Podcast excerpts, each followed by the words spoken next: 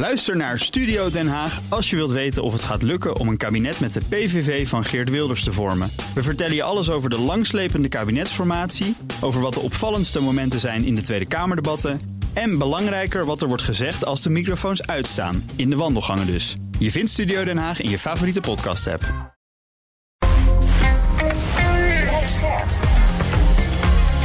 BNR Nieuwsradio. BNR breekt politiek. Nina van den Dungen. Welkom bij BNR Breekt Politiek. Het is 11 uur en op elke vrijdag hebben wij een panel van twee Tweede Kamerleden. Vandaag ontvang ik onafhankelijk Tweede Kamerlid Niloufer Gundogan. Welkom. Dankjewel. En Don Seder, Tweede Kamerlid voor de ChristenUnie. Goedendag. Wij beginnen altijd uh, toch even om jullie iets beter te leren kennen met wat uh, persoonlijke vragen. Uh, Don, jij bent oud preeklid. Hè? Je begon hier ook nog voor je werd verkozen in, ja, voor de ChristenUnie in de Tweede Kamer. Ja. En je hebt ook nog werk als advocaat, althans dat had je. Ja. Maar dat dat nu even stil ligt vanwege het Kamerlidmaatschap. Ja, dat valt niet te combineren. Nee, nee. helaas. En je bent tweede luitenant reservist bij de Koninklijke Landmacht. Dat klopt, ja. Inmiddels eerste. Ik ben bevorderd. Oeh. Alleen, alleen ik, uh, omdat ik Kamerlid ben, heb ik eervol verlof. Ja. Omdat ik dat niet mag combineren met elkaar. Dus ja, ik je mag geen nevenfunctie. Nou ja, het kan ook gewoon niet, hè? Nee, het kan niet. niet. Dus, doen. Ja, dus het is leuk, maar ik mag dus niets doen, helaas. In welke functie kun je meer voor elkaar krijgen? Advocaat of Kamerlid? Ja, dat is een mooie vraag. Ik zit twee jaar als coalitie. Kamerlid zit ik in de Kamer. En ik merk toch op een flink aantal punten, met name op, op um, schulden en sociale zekerheidsrecht, waar ik ook als advocaat bezig ben, nou, dat we echt stappen maken. Boek je meer succes als Kamerlid dan als advocaat? Nou, als advocaat was het toch lekkerder om voor die ene persoon lekker op te komen, lekker Ja. te beuken. Dus dat is heel lekkerder. concreet resultaat, lijkt Precies, mij. Dus dat is fijner. Maar als Kamerlid merk je toch als iets eenmaal lukt. Bijvoorbeeld, we hebben de schuldsanering, die, die periode hebben we verkort uh, tot anderhalf jaar. Dat was vroeger drie. Nou, dat, geldt voor, dat gaat voor tienduizenden mensen het verschil maken. Dan gaat de champagne ook open bij Nou, jou. dat is ook lekker, ja. Ja. Uh, Niloufer, jij bent uh, ooit begonnen bij D66, politieke loopbaan. Daar kreeg je te horen dat je heel eigenwijs was en dat je nooit zou komen. Heb ik me laten vertellen. Stond Ja. in een interview met WNL, geloof ik. Ja, dat zei eh, een prominent eh, D66er, niet politicus overigens. Maar eh, achter de coulissen iemand met eh, heel veel invloed. Wat kunnen ze het mis hebben dan, hè? Ja, dat kan. Het is, is menselijk. Ja, dat is waar. Nou ja, je bent heel genereus. Um, je politieke loopbaan is best turbulent verlopen. Ja. Nog via Volt. Nu ben je uh, zelfstandig Kamerlid. Bakken met werk komen er op je af, denk Ja. ik. Alle portefeuilles doe je alleen. Ja, dat lukt niet. Daar Nee? moet je heel eerlijk in zijn. Dus je moet prioriteren, je moet keuzes maken. Je moet over sommige dossiers gaan zeggen... ja, dat kan ik niet of En- nauwelijks bijhouden. En wat doet dan echt pijn? Welke je nu gewoon even moet laten liggen? Nou, onderwijs en zorg. Uh, ik doe nog wel corona-dingen, maar veel doe ik eigenlijk niet meer. Nee. Um, is zo'n stormachtig politiek begin eigenlijk positief of, of echt een nadeel? Het begon heel nadelig. Ik denk wel dat uh, mijn politieke vlees wel uh, gigantisch is gegroeid, om het zo maar eens te Echt zeggen. vet op de botten. Je kan nu heel veel hebben. Dikke huid. Uh, ja, ik sta steviger dan, eh, dan ik ooit heb gestaan. Persoonlijk als wel politiek, ja. BNR breekt. Breekijzer. Fijn dat jullie er zijn. We gaan beginnen met dat breekijzer. Dat heeft te maken met vluchtelingen uit Oekraïne. Want sinds de start van de oorlog zijn zo'n 8 miljoen Oekraïners hun thuisland ontvlucht. Inmiddels zijn zo'n 89.000 van hen hier geregistreerd in Nederland. Zo'n 30.000 hebben hier ook werk gevonden, veelal via uitzendbureaus. Maar goed, hoe zit het nou met een serieus toekomstperspectief? Want in het begin, dat zag je ook, was er groot maatschappelijk, uh, maatschappelijk draagvlak voor de opvang. Maar nu het einde van de oorlog toch nog lang niet in zicht lijkt... neemt de twijfel bij gemeenten ook wel toe. Uit cijfers van één Vandaag blijkt dat slechts 8% van de 82 ondervraagde gemeenten van plan is... om de opvang voor uh, Oekraïense asielzoekers te verlengen. Waar zit de twijfel, kun je je afvragen. Is het ook niet eeuwig zonde? Zeker ook als we kijken naar het werkpotentieel van de Oekraïners... onze eigen arbeidstekorten, het relatieve gemak... waarmee ze hier de arbeidsmarkt op kunnen gaan. Ons breekijzer vandaag. Nederland moet het potentieel van Oekraïense vluchtelingen... veel beter benutten. Beter mee eens? Vind je dat er nog onvoldoende wordt gedaan... om Oekraïners een goede kans te geven hier op de Nederlandse arbeidsmarkt? Of zeg je nee, ik ben het ermee oneens... we moeten niet zo hard van stapel lopen... we moeten vooral gewoon doen wat we moeten doen... tijdelijke opvang leveren. 020 468 4 keer 0 Je kan nu bellen. Wil je niet bellen, maar wel stemmen, doe het dan via de Instagram stories. Maar bellen is natuurlijk gewoon het leukst. Bij mij dus Don Seder van de ChristenUnie... en onafhankelijk Tweede Kamerlid Niloufer Gundogan. Don, jouw reactie op Breekijzer, eens of oneens? Helemaal mee eens. Niloufer? Ook. Oké, nou Don, mag jij uh, als eerste aftrappen. Waarom? Ja, wij hebben twee dingen. Wij hebben een opdracht en een plicht om mensen die vluchten voor oorlog en conflict, en dat gebeurt nu ook, uh, om die barmhartig op te vangen. Ik vind dat we het als Nederland kunnen en ook moeten doen. En dat hebben we ook afgelopen jaar fantastisch gedaan. We hebben echt heel veel werk verzet als het gaat om lokaal Oekraïners opvangen. En je ziet ook dat heel veel aan het werk gaan en aan de slag gaan. Dus dat heeft ook een positieve uit, uitwerking. Mhm. Toch zijn er knel, knelpunten. Je ziet, je ziet bijvoorbeeld het, het omzetten van diploma's. Uh, iemand, kan, iemand is een tandarts geweest, of een arts, of een onderwijzer. Uh, waar we toch ook best wel een krapte hebben. hebben. Maar je merkt dat we toch niet aandurven om uh, de diploma's, hè, om die om te zetten, waardoor je gelijk aan het nee, werken. We vinden ze niet goed genoeg. De nou, diploma's in elk geval. Het is heel erg een bureaucratisch land zijn we. En dat maakt dat het toch allemaal de juiste papieren moeten zijn. Dus er, er is best wel wat koud watervrees. Ik vind dat we dat als het gaat om zorg, als het gaat om uh, onderwijs. En heel veel andere plekken waar we echt krapte hebben. denk dat de Oekraïners een grote aanvulling kunnen, kunnen leveren. Dus die stappen moeten we ook zetten. En soms ook gewoon dat bureaucratisch gedoe aan de kant doen. Ja, en maak dat eens concreet. Betekent dat gewoon, hup, niet kijken naar die diploma's, onderwijzers, hup, voor de klas? Nee, mensen hebben wel diploma's. Dus mensen zijn gekwalificeerd. Want dat hebben ze ook jarenlang in Oekraïne Ja, nee, zeker. Maar dus die, dat, hoeft dus niet helemaal om te zetten. Nee, precies. Maar dat je dus ook goed gaat, gaat kijken van... Hebben, moeten mensen nu echt exact dezelfde. moeten mensen nu een nieuwe opleiding volgen? Omdat wij in Nederland bedacht hebben dat je alleen onderwijs mag geven. of alleen als verpleegkundige mag, mag werken. als je exact dit papiertje in Nederland gehaald Jij zegt nee. Nou, ik vind als iemand 40 jaar als verpleegkundige in Oekraïne gewerkt heeft. en daar fantastisch werk geleverd. dat die dat volgens mij ook best in Nederland zou Ja, kunnen ze gewoon zo aanschuiven in een ziekenhuis? Nou, natuurlijk moet je kijken wat. Uh, tuurlijk moet je, moet je kijken dat het uh, ook gaat um, lukken. Maar wat ik vind is dat de papieren tijger, papieren werkelijkheid. Uh, geen belemmering zou moeten zijn. En dat je dus echt ook moet kijken hoe kan je ervoor zorgen dat je die, het ene die, die, die diploma kan omzetten naar een bevoegdheid om in Nederland aan, aan, aan de slag te gaan. Liever? Grotendeels mee eens. Maar ik mis sowieso nuchterheid in het debat wanneer het gaat over migratie. Ja? Ja, ik vind dat het een veel te emotioneel debat is. Uh, links uh, komt dan aanzetten met uh, praktisch even heel erg in een soundbite gevat: kom maar binnen. En rechts zegt de deuren dicht, Fort Europa. En dat beide, kijk, migratie is nog een oplossing, nog een probleem. Hoe je het inricht, daar zit gewoon uh, de voordelen of de nadelen. Mm -hmm. Wij hebben onze hele keten van uh, migratie, of het om arbeidsmigratie gaat, of zoals in het geval van de Oekraïners, dat ze dus echt vluchtelingen zijn vanwege een oorlog. We hebben die keten niet op orde. En als je dan bijvoorbeeld kijkt naar alle OESO-landen, waar Nederland dus ook een van is, dan scoort Canada het beste. Canada staat op nummer 1. En onlangs heeft ook de WRR en ook uh, de Adviesraad voor Migratie ook vastgesteld dat het Canadese model ook absoluut genoeg aanknopingspunten heeft voor Nederland om de migratieketen te verbeteren. Nou, ik heb daar onlangs een motie voor ingediend. Om dat te onderzoeken? Om dat gewoon ter harte te nemen, samen met Jasper van Dijk van de SP. Mm -hmm. En uh, de gehele coalitie, minus één partij, stemde voor die motie. En de enige partij in de coalitie die dus tegenstemde was de VVD puur het verkennen van wetenschappelijk onderzoek van hoe kunnen we onze migratie nou verbeteren. Op orde krijgen. Op orde krijgen. Wordt weggestemd. Ja, wordt door de VVD weggestemd. Dus deze partij wil blijkbaar gewoon niet weten van de feiten en de wetenschappelijke bevindingen hoe je het kunt verbeteren. Mm -hmm. Maar gaat liever voor door op gewoon de oude voet van eigen aannames, eigen voorkeuren en eigen platte retoriek.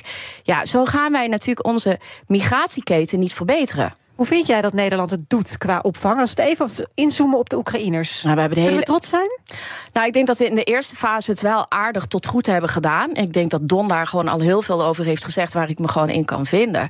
Ik denk wel, alleen omdat wij gewoon die hele keten van migratie... van arbeidsmigranten, die, die we zelf gewoon nodig hebben... tot en met mensen die we om humanitaire redenen... of gewoon oorlogsvluchtelingen helemaal hebben kapot gemaakt... dat wij dus nu met onze handen in onze haar zitten, inderdaad. Hoe kan je gewoon goed beoordelen of een verpleegkundige uit de Oekraïne. Welke accreditatiescore zou zij dus dan hebben op het Nederlandse onderwijs? Mm -hmm. Misschien komt zij dus een niveau lager uit dan dat zij dus in de Oekraïne zou hebben gehad. Ja. En misschien moet ze dus dan een half jaar of een jaar een verkorte opleiding, uh, vier dagen werken, één dag onderwijs gewoon doen. Om op het oude, op voor haar gewenste niveau te kunnen werken. Ja. We hebben daar gewoon onvoldoende kennis voor in huis. Ja, we gaan eens even naar uh, een beller. Uh, het breekijzer is: Nederland moet het potentieel van Oekraïnse vluchtelingen veel beter benutten. Rashid, goedemorgen. Goedemorgen. Eens of oneens? Ik ben het uh, oneens met de stelling. Waarom?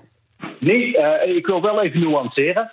Niet omdat ik niet vind dat, dat deze mensen geholpen moeten worden. Laat dat even duidelijk zijn. Ieder mens dient geholpen te worden. Maar als er een, een, een, een gemeenschap, een, een asielzoekersstroom die echt in een warm badje terecht is gekomen, tussen aanhalingstekens, die echt alle kanten geholpen zijn, die geen enkele tekortkomingen hebben gehad. Dat zijn het deze asielzoekers uit Oekraïne. Als ik nou moet gaan vergelijken met de andere asielzoekers die hier echt al eh, kijken naar de verhalen van Ter Apel en andere eh, plekken, dan, dan wordt hier heel duidelijk verschil gemaakt van wie, eh, welke, wie wel geholpen wordt en wie niet geholpen wordt. Ja, dus als ik jou goed begrijp, trekken we de Oekraïners voor in jouw visie.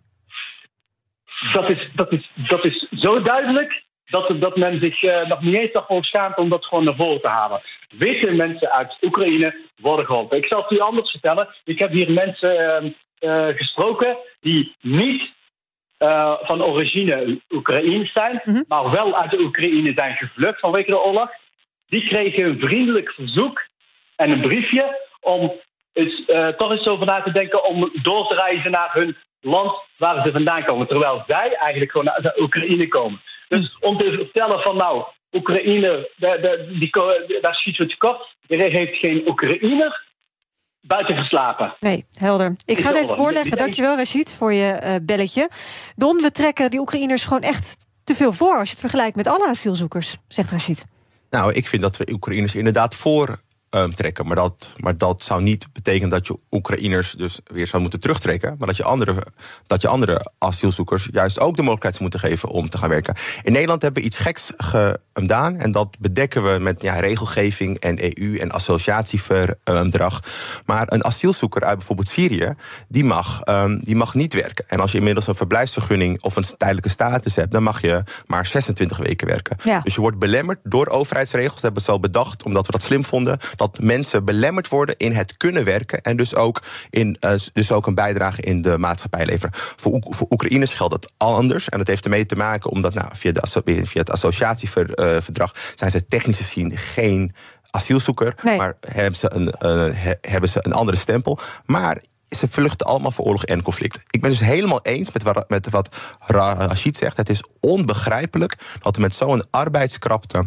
eh, dus eh, mensen waarvan we zien dat die, dat die waarschijnlijk hier gaan kunnen blijven, omdat ze asiel vragen en echt ook echt uit de oorlogsgebied komen, om die te verhinderen om voltijd te kunnen werken. Want dat, dat mag dus niet. Die regel moet dus van een tafel, waardoor je ook mensen veel meer in staat stelt om eh, te, te gaan werken, daarmee ook een bijdrage te leveren aan de samenleving, waardoor dat percentage ook om, omhoog gaat. Want je hebt rechtspartijen die zeggen het percentage van asielzoekers die aan het werk gaan of asielzoekers die in de uitkering zitten, ja, dat is veel te hoog. Tegelijkertijd zijn het diezelfde partijen die hun verhinderen om in een eerder stadium aan het werk te gaan en dus aansluiting te zoeken bij de ar- arbeidsmarkt. Het is krankzinnig beleid en dat moet stoppen. Nilever, eens dat de Oekraïners eigenlijk worden voorgetrokken?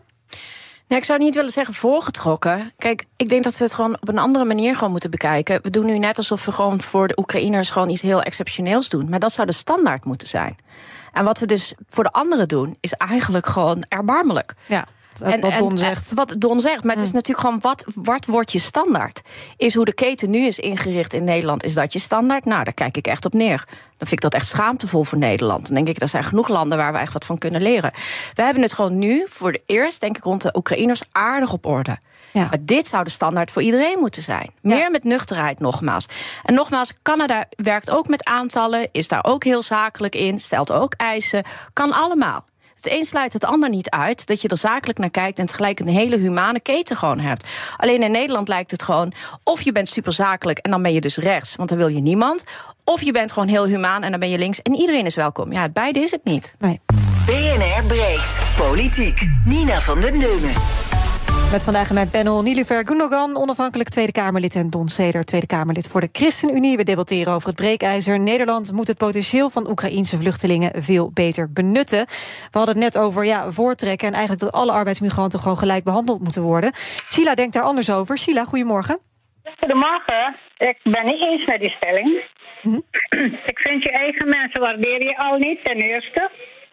Ten tweede eh, moet men ook goed nagaan. Als die mensen, je mag ze fulltime eigenlijk inzetten. Maar op den duur besluiten ze om weg te gaan. En dat dupeer je eigen mensen. Ik vind die lijst van steuntrekkers, die blijft maar eh, groeien. Ga die lijst korter maken en die mensen ook aan het werk zetten. Want je discrimineert op zo'n manier met je eigen mensen. Ik leg het voor. Dankjewel, Sheila. Nilufer?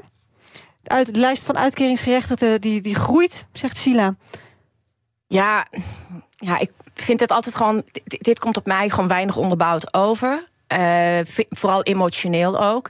Dit debat is al te emotioneel. Laten we gewoon echt nogmaals gewoon teruggaan naar de feiten, de cijfers en de wetenschappelijke bevindingen.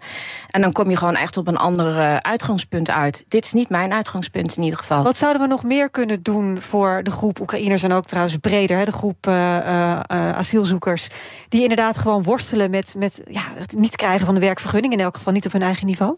Nou ja, kijk, nogmaals, ik, dit zal dit niet meer verbazen, want ik heb het land al een paar keer genoemd. Ik ben buitengewoon gecharmeerd van hoe Canada, van Canada. doet. Ja, ja met... zoom daar eens op in, want het gaat ook om, om, om streefgetallen die ze ja. hebben. Ze kijken naar sectoren, waar ja. hebben wij tekorten? Ja, dus ze werken met een puntensysteem. Ja. Dus zij sturen voor dit jaar uit mijn blote hoofd op 465.000 mensen die ze een vergunning gaan geven, een visum gaan geven. Arbeidsmigranten hebben het niet uh, over oorlogsvluchtelingen. Zit daar ook tussen? Kan. Ja, dus ja. 250.000 daarvan zijn arbeidsmigranten. En op basis van het puntensysteem in Canada, hoe hoger je scoort, dus hoe meer behoefte er is aan jou, mm -hmm. is het makkelijker om een visum te krijgen. Maar er zitten ook sectoren bij die wij in Nederland ook kennen, waar je met minder punten, zoals in de transportsector of in de landbouw, kunt gaan werken. Die heb je ook nodig. Die heb je altijd nodig. Ja. Dan is er een deel die binnen mag komen op basis van relatie. Dus die hebben bijvoorbeeld een relatie met een Canadees of met iemand die al in Canada woont. En die kan dan binnenkomen. Nou, dat lijkt me ook dat we dat altijd willen. Dat je als je verliefd bent geworden, dat je je partner uh, naar het land waar jij woont mag halen. Ja. Dan is er een groep refugees en dan heb je een groep humanitarian. En die groep refugees heeft Canada nu, dacht ik uit mijn blote hoofd, zo rond de 80.000 gewoon staan. Weet je wat wij ook hebben? Ja, en alles bij elkaar levert dit ook een bevolkingsgroep op, die 465.000 van ruim 1% die is van 1,11% Dus dit is ook voor hem bedoeld gewoon ook om de vergrijzing en de demografische afname gewoon tegen te gaan. Mm. En uh, die refugees is wel een flexibele uh, harmonica-model. Want Ja. toen de Syrië-oorlog was, toen heeft Canada net zoveel Syriërs opgenomen als de Verenigde Staten dat heeft gedaan. Terwijl het een tiende van de bevolkingsomvang heeft van de Verenigde Staten. Maar wat, wat is nou uiteindelijk de reden? En dit is wat de OESO-rapport laat zien over Canada. Ze hebben de keten op orde. Dus als jij chirurg bent uit Tanzania en jij gaat in Vancouver werken, dan heeft jouw werkgever met jou al een plek gevonden voor jou waar Om je te wonen. om te wonen. Ja. Dan wordt er vervolgens door de Canadese IND, zal ik maar zeggen, na een half jaar aan jou gevraagd: hoe gaat het met je? En zo is is gewoon een hele duidelijke procedure. Ja. Die blijkbaar veel minder stroperig is dan bij ons. absoluut. Dus jij wil dit? Jij wil dat dit in ik Nederland wil die nuchterheid. Dom? Ook voorstander van het Canadese model, voor zover je er bekend mee bent?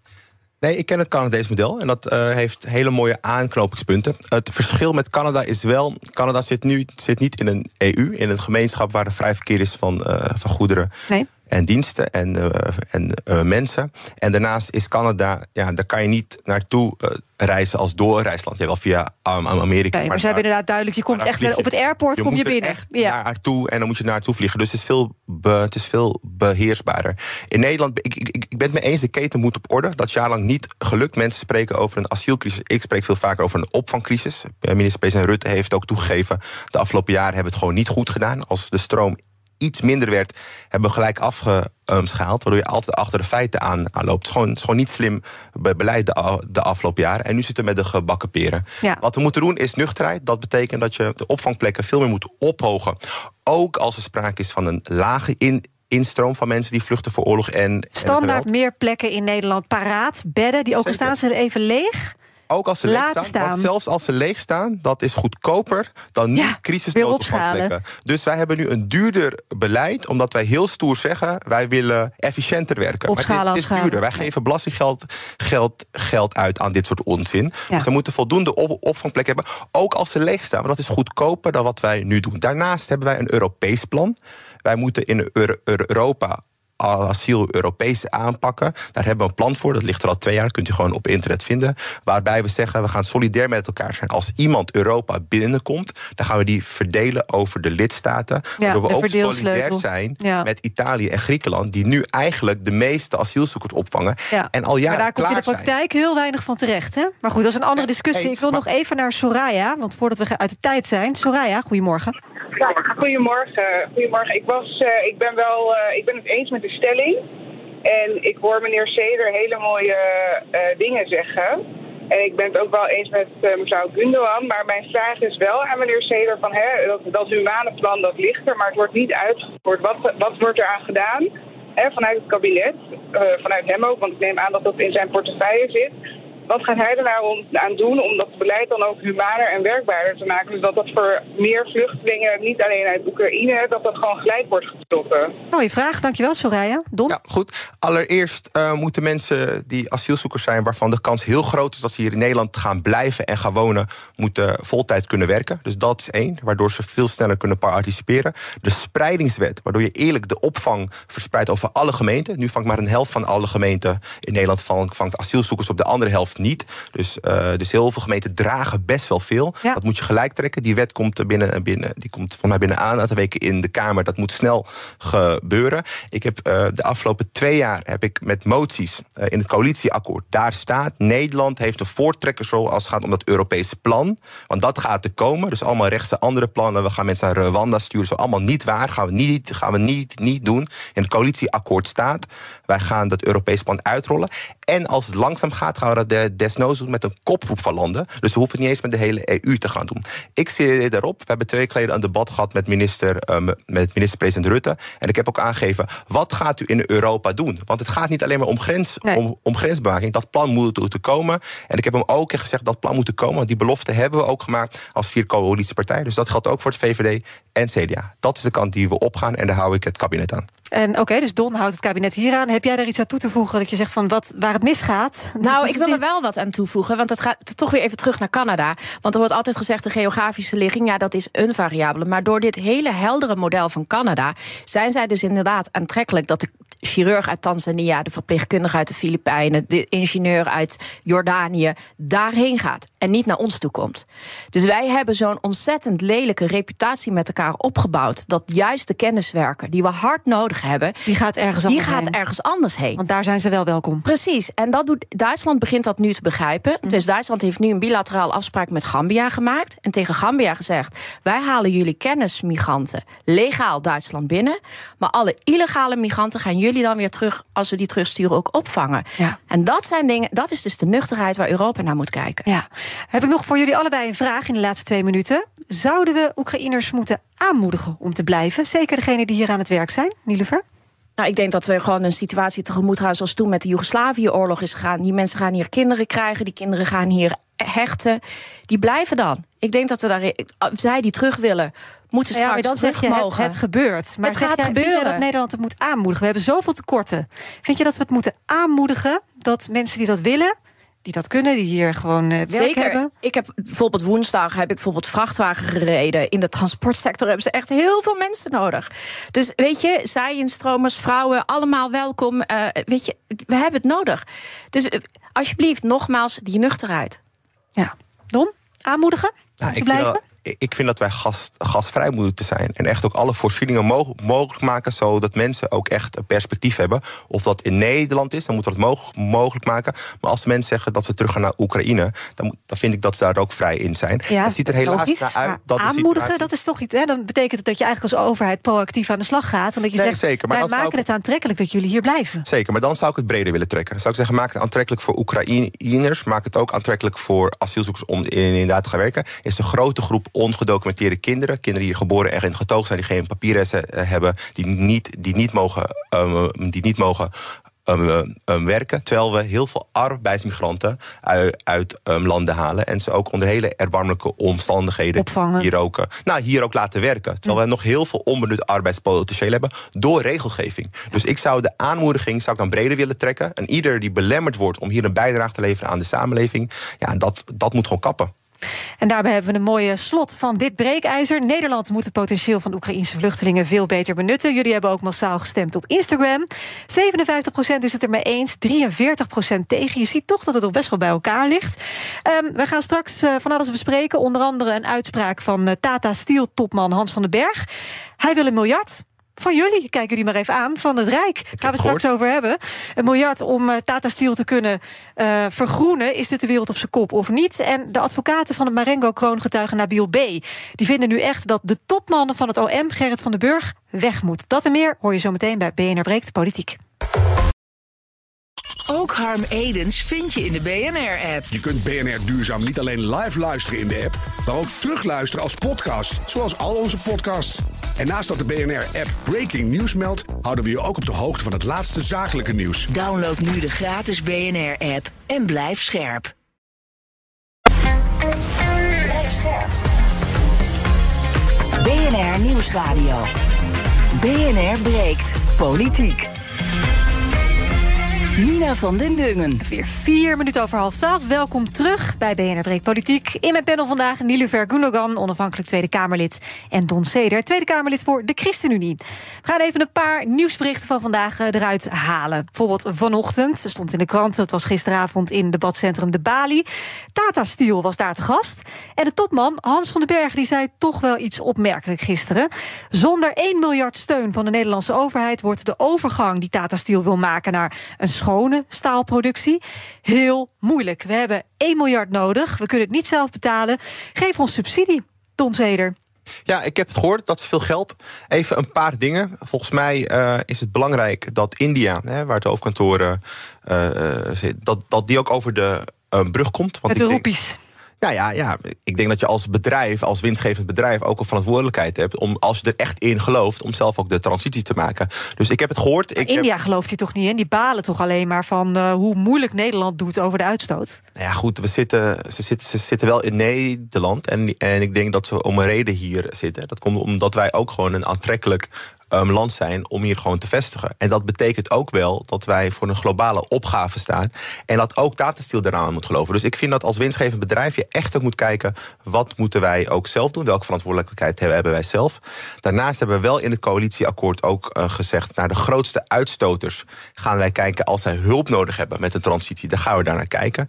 Maar ja, zo'n bedrag roepen 1 miljard zonder onderbouwing of wat dan ook... dat, dat vind ik veel te, veel te snel. Maar je staat wel open voor praten en kijken wat de overheid eventueel mee kan betalen. En je schrikt alleen wel van bedrag, dus je denkt, nou, zover gaan we niet komen. Nou, ik vind dat je dat gesprek moet voeren. Maar daarbij duw ik de bal ook terug. Ik vind dat je van bedrijven ook echt mag verlangen dat zij intrinsiek gemotiveerd zijn. En, en daar ook gewoon put your money where your mouth is. En dat mhm. betekent dat je ook van de winsten die je maakt echt ook zorgt dat als je hier langer wil blijven, dat je ook zorgt dat je een eerlijke transitie maakt. En daar als bedrijf ook een verantwoordelijkheid hebt om, om de geld zelf in, in te steken. Nielever, gaan wij 1 miljard belastinggeld richting Tata Steel. Uh overmaken? Slim van ze om dat bedrag te noemen. Want nu gaan we alleen maar denken aan 1 miljard. Dus dat is een, echt een uh, psychologische manoeuvre van ze. Ja. Super slim gedaan.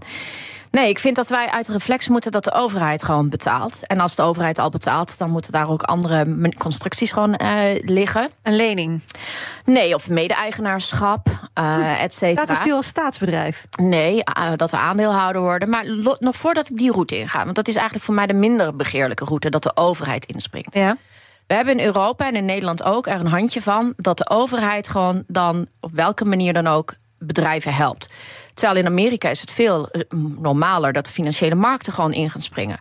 Dus waarom gaan ze dat geld gewoon niet uit de financiële markten halen? Of het nou een half miljard is of 1 miljard. Zorg maar aandelen gewoon, verkopen. Gewoon, zorg, vind maar investeerders die geloven dat jij goede plannen hebt.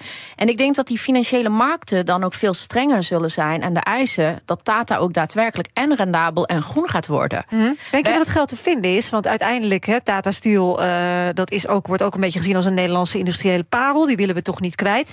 India's eigenaar is misschien wel gemakkelijker geneigd om te zeggen: ja, uh, laat maar zitten daar in IJmuiden, we gaan ze verplaatsen dat is volgens mij weer de andere kant van de medaille die Nederland ook weer niet moet willen. Volgens mij kun jij Tata Steel niet heel makkelijk verplaatsen. Dus dat lijkt me nogal een kostbare opgave. Meer dan 1 miljard. Dat zou ik denken, ja. En dan moet je naar een stuk van de wereld gaan waar het klimaateisen gewoon veel minder zijn. Nou ja, goed, dat hou je misschien nog de komende 15, 20 jaar vol. Maar daarna gaat denk ik gewoon ook heel veel landen daar gewoon strengere eisen aan. Dus, dus je, dit is denk ik gewoon voor veel bedrijven uiteindelijk een onomkeerbare weg die ze in moeten slaan. Ze moeten van de grijze naar de groene economie. Hm. Alleen de reflex in Europa dat de overheid dan financierder wordt van de transitie. Want dat zie je duidelijk in de agenda, het verschil met Biden. Het wordt gewoon ook op de kapitaalmarkt gewoon opgehaald. Daar moeten wij in Europa echt wel van af. En gewoon meer, zoals de Amerikanen gewoon zeggen... nou, probeer het eerst maar gewoon op de markt op te halen. Ja, maar dan hou je dus wel een deur open op een kier. Je gaat het eerst proberen op de markt. En als dat niet lukt, dan uh, komen wij maar toch wel om de hoek kijken? Nee, dat vind ik al veel te makkelijk gewoon. Dan, dan voelen ze denk ik te weinig druk om het op de Ja. kapitaalmarkt op te halen. Dus in principe zeg jij deur dicht. Wij gaan dat niet betalen. Nou ja, en als we het ooit zouden betalen, of het nou voor Tata is of voor een ander bedrijf is, dan gewoon keihard gewoon daar ook zakelijk instappen. Ja. En niet gewoon een subsidie. Het wordt subsidie. Ik werd er gewoon echt pislink om. Nou, eh, het is zo aardig dat je dat zegt. Want ik 1 denk miljard, daar kan je heel veel onderwijs voor betalen of zorg. Nou, en ik denk ook aan de mensen die rondom Tata Steel wonen, die te maken hebben met die schadelijke uitstoot. Ehm, ik denk dat die bijna in lachen uitbarsten, Don, als ze dit horen. Omdat misschien in hun ogen een boete voor Tata meer op zijn plaats zou zijn in plaats van hulp, financiële hulp. Nee, ik denk dat wij met twee opgaven gaven, gaven zitten. Er moet schonere productie komen. Want die, re- die plicht hebben ook richting de, be- richting, de in, richting de inwoners daar. Dat is gewoon niet goed gegaan. Weet je? En dat moet beter, daar moeten we recht aan doen. Da- daar ligt ook een plicht bij Tata, Tata Steel. Daarnaast hebben Met we... toch bij Tata Steel. Nee, zeker, zeker. Ehm, en daarnaast hebben wij ook echt eh, de transitie op, op opgave. Kijk, als overheid zeggen wij... wij willen een aantrekkelijk vestigingskli- een, een, een vestigingsklimaat hebben.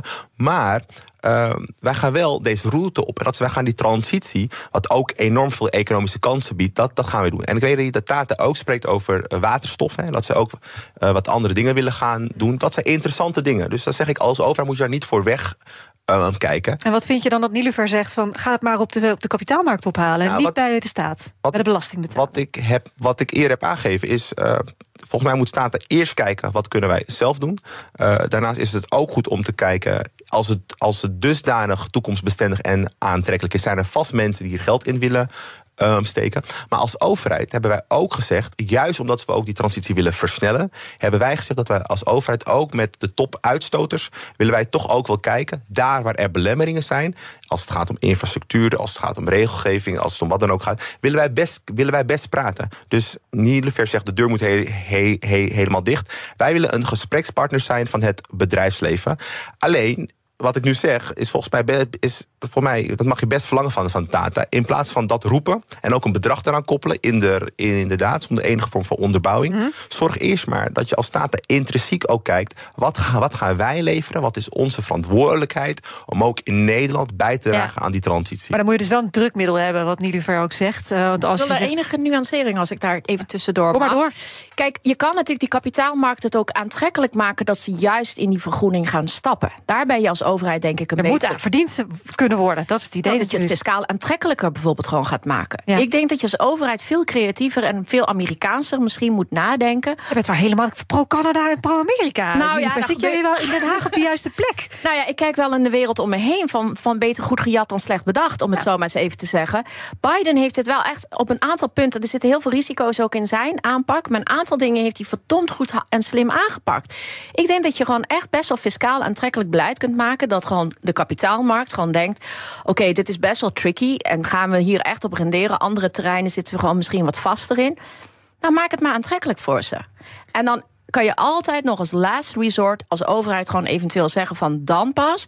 Maar zorg er gewoon voor dat kapitaalmarkten gewoon vaker gewoon inspringen in plaats van de overheid. Ja. Maak dat echt aantrekkelijker. En Don, nog één concrete vraag van mijn kant. Hoe kun je nou druk leggen? Want uiteindelijk, als je zegt van ja, we willen altijd praten, we houden de deur open.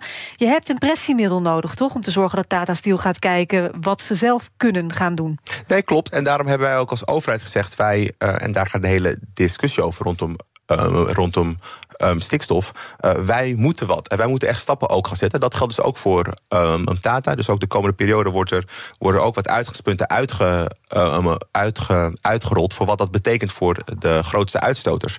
Ik denk dat je inderdaad de bal bij Tata moet leggen. Dat doe ik bij deze ook. Maar de overheid is wel een ehm, gesprekspartner. En of dat nou belasting is, want dat kan je best doen, prima. Maar goed, als het belastingvoordeel een miljard is, ja, het is toch belastinggeld. Dus het- of je het een Nou, subsidie die- noemt ja. of een fiscale Exact. regeling, je steekt er toch eh, belastinggeld geld, geld, geld, geld in. Dus ik kijk niet zozeer naar de vorm. Ik vind als, als ondernemer moet jij intrinsiek gemotiveerd zijn om tot zegen te zijn voor je gebied, je inwoners en het, in het um, land. En dat wil ik nu gewoon zien Tata. Wij geloven hier, hierin. We gaan naar een uh, ander nieuwsbericht van uh, vanochtend. De advocaten van Nabil B., kroongetuige in het Marengo-proces... die vinden nu echt dat de hoogste baas van het Openbaar Ministerie moet opstappen. De aanleiding is natuurlijk dat vernietigende rapport... van de Onderzoeksraad voor Veiligheid woensdag... Peter Schouten en Onno de Jong die keken naar het optreden van de OM-topman Gerrit van den Burg bij Nieuwsuur woensdagavond. En het stoom kwam uit hun oren. Want Van den Burg die um, zei: Ja, ik, uh, ik zal toch zeker niet opstappen. Ik denk vrij regelmatig na over mijn eigen positie. Um, en Vindt dat u dat geld kan blijven zitten? Nou, kijk, ik vind dat zeker, hè, omdat als het gaat om dat niets ontziende milieu, de meedogenloosheid van geweld. Uh, dat het enige antwoord wat een overheid en het OM erop kan geven, is stoïcijns doorgaan in die bestrijding daarvan. Uh, en we, dan zitten we niet in een periode uh, waarin je zegt als baas van een organisatie: Weet je wat, ik stop er eens even mee. Nou, dus één, hij blijft zitten. Twee, hij zegt stoïcijns doorgaan met het aanpakken van de georganiseerde zware misdaad. Je zou zeggen, wat is daarop tegen? Nou, de onderzoeksraad concludeerde dat de focus te veel heeft gelegen op het opsporen en het aanpakken van die zware criminelen. En te weinig op beveiligen en bewaken. Dus dit was juist een vrij groot pijnpunt, ook voor de advocaten. Daarom zijn zij zo boos. En zij zeggen, Gerrit van den Burg snapt er helemaal niks van... heeft er niks van begrepen. Die man moet weg, Nielever. Terecht. Opstappen? Ja. Waarom? Deze man komt voor mij echt over, zoals hij nu ook zo spreekt, dat hij zichzelf verenigt met het OM. En dat is denk ik altijd heel eng als mensen zichzelf gewoon als het instituut gaan zien. En dan moet opschoning en verbetering plaatsvinden in het OM. Het is, het is niet dat ik hierdoor helemaal geen vertrouwen meer heb in het OM, maar op dit dossier is het echt gewoon goed gefaald. Neem je verantwoordelijkheid, laat zien dat jij gewoon dienend bent aan de organisatie en niet leidend per se en bepalend. Maak jezelf kleiner. Schrijf je ego weg. Dat rapport is vernietigend. Verbind daar conclusies aan. En zorg ervoor dat het OM hierna beter gaat leveren. Don, Gerrit van den Burg, weg. Nou ja, allereerst moet ik zeggen, als oud advocaat raakt dit onderwerp mij meer uh, dan misschien anderen. Omdat ik ook nog heel goed kan heugen dat toen uh, Dirk Wiersum vermoord werd.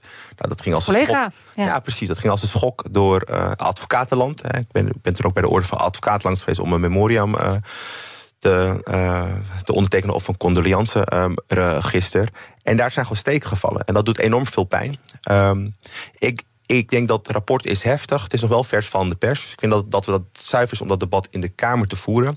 En dat we het eigenlijk, als je het zuiver uh, houdt... Uh, dat debat met de minister van Justitie en Veiligheid moet voeren. En niet met de topman van het OOM. Ik heb de uitspraak Dan zou de minister gehoord. moeten opstappen... als er zoveel grote fouten zijn gemaakt. Nou, dat debat moet je voeren. En ik wil niet op conclusies gaan uitlopen of wat dan ook. Maar er staan heftige conclusies. Wij moeten gaan kijken over wat er heeft plaatsgevonden. Ook wat er beter moet gaan. Um, dus ik vind dat, dat, dat we daar echt ook wel als Kamer ook. Um, nou, onze controlerende taak moeten uitvoeren. Van Ja. Wat is er gebeurd? Maar jij geeft aan, het OM, de, de topman van het OM hoeft hier niet per definitie verantwoordelijk gehouden te worden. Het zou wellicht eerder de eindverantwoordelijke, dus op het ministerie, minister Jesselgus, kunnen zijn. Nou, wat, wat ik zeg is, is dat we het zuiver moeten houden. Dat ik als Tweede Kamerlid, uh, dus, dus, dus mijn rol, is om vooral de minister. Uh, uh, om, om Ter debat verantwoording te roepen. ter verantwoording te roepen over het rapport. Misschien ook de uitspraken hè, van de topman. Maar dat- het is wel zuiver om het debat daar te voeren. Het is een heftig rapport. De conclusies zijn nog vers. Ik maar we zelf- kunnen niet uitsluiten dat er een motie van eh, wantrouwen van de ChristenUnie komt. Nou, nou, nou, eh, wij zijn vrij zuinig met motie van wan- wan- wan- wantrouwen. Dat, omdat wij vinden dat het wel heel snel eh, en ook soms giftig in de Kamer er, er, naartoe gaat. Maar er moet recht gedaan worden aan de situatie. Er zijn mensen om het leven gekomen. Er zijn fouten ge- gemaakt. Er is een heftig rapport uitgekomen. Ja, dus dat, dat debat moeten we gaan voeren. Ik vind dat moeten we doen. En dan moeten we ook eerlijk met elkaar over, over zijn over wat dat betekent. Ook Hugo Reitsma vind je in de BNR-app. Superhandig die BNR-app. Je kunt alle programma's live luisteren, breaking nieuwsmeldingen. Je blijft op de hoogte van het laatste zakelijke nieuws. En je vindt er alle BNR-podcasts, waaronder natuurlijk de belangrijkste, Boeken zijn in de wijk. Download nu de gratis BNR-app en blijf scherp. BNR breekt. Met Nilofer Gundogan dus, onafhankelijk Tweede Kamerlid... en Don Seder, Tweede Kamerlid voor de ChristenUnie. Eh, Jullie mogen ook allebei een onderwerp eh, aanbrengen... waarvan je eigenlijk vindt, het moet gewoon hoger op de politieke agenda. Misschien is het ondergesneeuwd of... Nou ja, hè, je hebt een reden om dat in te brengen. Nilofer, wat neem jij mee? Ik had eh, Groningen ingebracht. Eh, omdat in dat dossier gebeuren denk ik twee dingen die ik heel opvallend vind... en die ik te vaak vind gebeuren, ook in de politiek. Uh, de premier reageert verbaasd. Terwijl ik denk dat iedere weldenkende Nederlander uh, na jarenlang kranten en nieuwsberichten gewoon wel echt wel wist dat daar een kausaal verband zat tussen gaswinning en uh, huizen die verzakt zijn. Mensen die onnodig lang niet zijn gehoord, zijn genegeerd. Mm. Uh, daar verbaasd op reageren, dat vond ik echt een beetje bijzonder. Ik dacht, uh, meneer Rutte, u leest toch ook al eens een krant? Dat had u kunnen bedenken dat dit in dat rapport had kunnen staan. Maar wat ik daar vervolgens nog, nog lelijker vond, wat ik ook te vaak zie in de politiek, is een Van Haga die enerzijds moties indient in de Kamer om uh, Groningen helemaal leeg te pompen. En anderzijds meteen zodra het rapport verschijnt, moord en brand gaat gillen en gewoon zeggen Rutte moet opstappen. Ja, dat is politiek opportunisme van de goedkoopste plank die er is. Ja, dat vind ik gewoon echt. Daarmee hollen we als politici de politiek en het vertrouwen in de politiek uit. Dat vind ik echt niet goed, van beide kanten. Don, hoe kijk jij hier naar? Ja, het is overduidelijk. We hebben de veiligheid en de zorgen van Groningers hebben we structureel, eh, structureel lang genegeerd. En dat heeft uh, ja, tot systeemfalen ge, geleid. Ik vind het enorm pijnlijk, uh, allereerst uh, richting de Groningers. Zelfs als je kijkt naar de schadeafhandeling, hoe um, dat gaat. Dat is gewoon de overheid op zijn slechtst. Dat vind ik echt heel, af, heel af, Mm. En er moet ook recht gedaan worden. Er moet echt recht gedaan worden aan de mensen aan Groningen. Dat zeggen we al jaren. Maar als je kijkt naar hoe stroperig de schadeafhandeling uh, loopt, dat is echt schandalig. Ja. Er moet recht gedaan worden. Dat betekent dus ook, hè, want we gaan het hierover hebben in de Kamer met elkaar. Maar dat moet je vooral ook met de Groningers doen. dus er is nu een rapport. We vinden er allemaal wat, wat, wat van. Er hebben mensen al geroepen, die moet opstappen of dat moet gebeuren. Maar wat vinden de Groningers? Wat willen de Groningers? Dus ik vind dat wij vooral... Maar is dat wel heel duidelijk gezegd door René Paas, toch?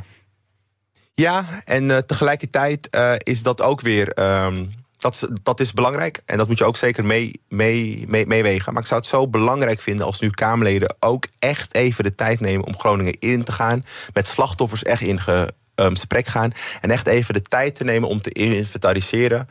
Wat moeten wij doen om deze ereschuld in te lossen? Want die hebben we. Het is op zich een heel nobel streven. Aan de andere kant, de Groningers die zeggen vooral: het duurt zo lang. Dus ja, weer het land in en weer praten.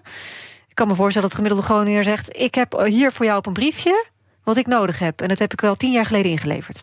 Dat mag ook. Hè. Dus ik bedoel, als, er, uh, als dat niet in, pers in persoon gaat, maar per brief, dan is dat prima. Maar ik vind wel dat gesprek moet je voeren. En dat debat gaan we snel hebben. Hè. Dus dat is geen kwestie ja, dat is, Hoe lang duurt dat nog? Zes uh, weken of zo? Ik weet niet wanneer het op de agenda staat, maar dat zal niet heel lang duren. Uh, nee. Maar mijn oproep aan Kamerleden hè, en mijn collega die de woordvoerder is, Nico Dros, die was ook in Groningen toen het rapport ge, presenteerd werd in een kerk samen met andere mensen, keken ze samen naar het um, scherp. Ik denk dat moeten we nu vooral doen in, um, in afwachting van het debat. En, en dan vind ik ook dat wij, alsjeblieft, laten wij gewoon recht doen aan die Groningers. Het duurt zo lang. Het is, af, het is afschuwelijk wat er plaatsvindt. Duurt het te, te lang of is het heel nobel en juist wat Don hier voorstelt? ik denk Kijk, het is nobel en juist, maar ik denk dat je gewoon op moet passen dat je gewoon niet uh, in een enorme vertraging gaat terechtkomen. Want die mensen zijn al jarenlang genegeerd. Terwijl, nogmaals, de meeste mensen hadden al een donkerbruin vermoeden hoe het in elkaar zat. Mm. En dat het niet deugt, weet je, dat, dat, is, dat is natuurlijk gewoon. Ja, daar schaam je je gewoon als Kamerlid gewoon voor. Dus daar, daar, voel ik gewoon ook persoonlijk ook. Terwijl ik daar zelf niet debet aan ben, dan denk ik echt, jongens, waarom hebben we dit niet op orde? Ja. Dat, dat. Uh, maar tegelijkertijd denk ik ook gewoon, ja, weet je, ik kan me ook. Kijk, Don is denk ik gewoon een heel zorgvuldig Kamerlid. En ik ben soms een ongeduldig Kamerlid. En ik denk dat we die, die combinatie hier in dit dossier een beetje bij elkaar moeten brengen. Zodat gewoon inderdaad en tempo en zorgvuldigheid elkaar. Jij gaat Don een beetje achter de broek aan zitten. Nou, ik denk het niet. ik denk dat Don daar het ook gewoon graag resultaat wil. Uh, maar we moeten die, dit denk ik gewoon. Handen ineens slaan. Handen ineens slaan. En gewoon kijken van zodat het tempo bewaakt wordt, maar de kwaliteit ook op orde is. Mooi. Eens. Don, waar wilde jij het over hebben? Ik wil het hebben over uh, duizenden gezinnen in dit land die onder het sociaal minimum vallen. En dan denk je dat kan niet, want er is een sociaal minimum. En daar mag je, niet dus, daar mag je dus niet onder, onder komen. Maar dat gebeurt. En dat heeft te maken met de hele ingewikkelde belasting- en toeslagenregels die wij bedacht hebben. Daar is hij weer. Mm-hmm. Daar is hij dus weer. Ja, en dat doet mij pijn. Want dit zijn niet de kinderopvangtoeslagen, nee. ouders. Dit zijn, is een andere groep. Klopt, ja. Dit zijn mensen die, waarvan één ouder of één persoon een uitkering ontvangt en de ander een heel laag salaris of een heel lage UWV-uitkering. Maar daardoor hebben ze wel twee inkomens. Waardoor ze twee inkomens hebben, precies. En daardoor uh, hebben ze geen recht op, toe, op toe, uh, toeslagen. Terwijl, terwijl een gezin dat, uh, waarvan twee mensen beide een uitkering hebben, dat wel hebben. Ja. Dat heeft te maken met de complexiteit van regels waar we al jaren niet weten wat we moeten doen. En dat Totaal is extra... gestoord. Kan iedereen, want ik heb het artikel ook gelezen, iedereen die dit leest, dan denkt dat dit is niet mogelijk. Je kan niet duizenden gezinnen hebben die onder een minimumbestaansgrens zitten, wat we hier in Nederland zouden moeten hebben. Ja. het is er dus toch. En nu? Nou, het is exemplarisch voor de overheid die het gewoon veel te ingewikkeld ge, ge, ge, gemaakt heeft. En er moeten een paar dingen gebeuren. Wij hebben al gezegd, wij moeten van dit toeslagenmodel moeten wij af. Want mhm. het zorgt gewoon voor, het zorgt voor onge, uh, ongelijkheid en situatie die gewoon niet kan uit uh, leggen. Daarnaast, als we zeggen dat mensen. Uh, als wij een sociaal minimum met elkaar hebben, dan moeten we echt zorgen dat ieder mens die in Nederland woont, uh, daar, daar ook op zit, minimaal. En dat gebeurt nu niet. Dat geldt ook voor ouderen die een pensioen gehad hebben. Ook daar heb je soms situaties waar, het gewoon, waar er gewoon verschrikkelijke dingen en situaties plaatsvinden. Ja. En het heeft allemaal te maken met de, over, die, met de overheid die regels bovenop dienstbaarheid aan burgers stelt. Maar hoe kan je dat concreet oplossen? Want een overheid wil zich wel aan de regels houden. Dus dan kun je altijd als minister, hè, jouw minister Schouten, zegt: ik zoek uit hoe dit zit. Ja. die mensen die zitten dus al jaren onder het bestaansminimum, terwijl dat gewoon niet mag. Dus hoe is dit snel in een soort concreet punt op te lossen? Uh, je zou de wet moeten, je zou, zou het moeten uitzoeken en de wet moeten aanpassen. Wat er nu gebeurt is, dat, is dat de gemeente nu dus dat verschil dat compenseren. En het lijkt me logisch als de overheid dat van tevoren aan de gemeente voor, voorschiet. Daarnaast de echte oplossing is dat je ook veel meer maatwerk mogelijk moet gaan maken in wetgeving. We hebben het dichtgeschroeid, waardoor je ook niet kan afwijken van de wet. Norm, nee. Nee, ik kom binnenkort met een wet over een paar, over, over een paar weken om in het sociaal zekerheidsrecht, het gaat over tientallen wetten, om echt voor zorgen dat een ambtenaar die zo'n zaak heeft ook soms mag zeggen: wij wijken hiervan af.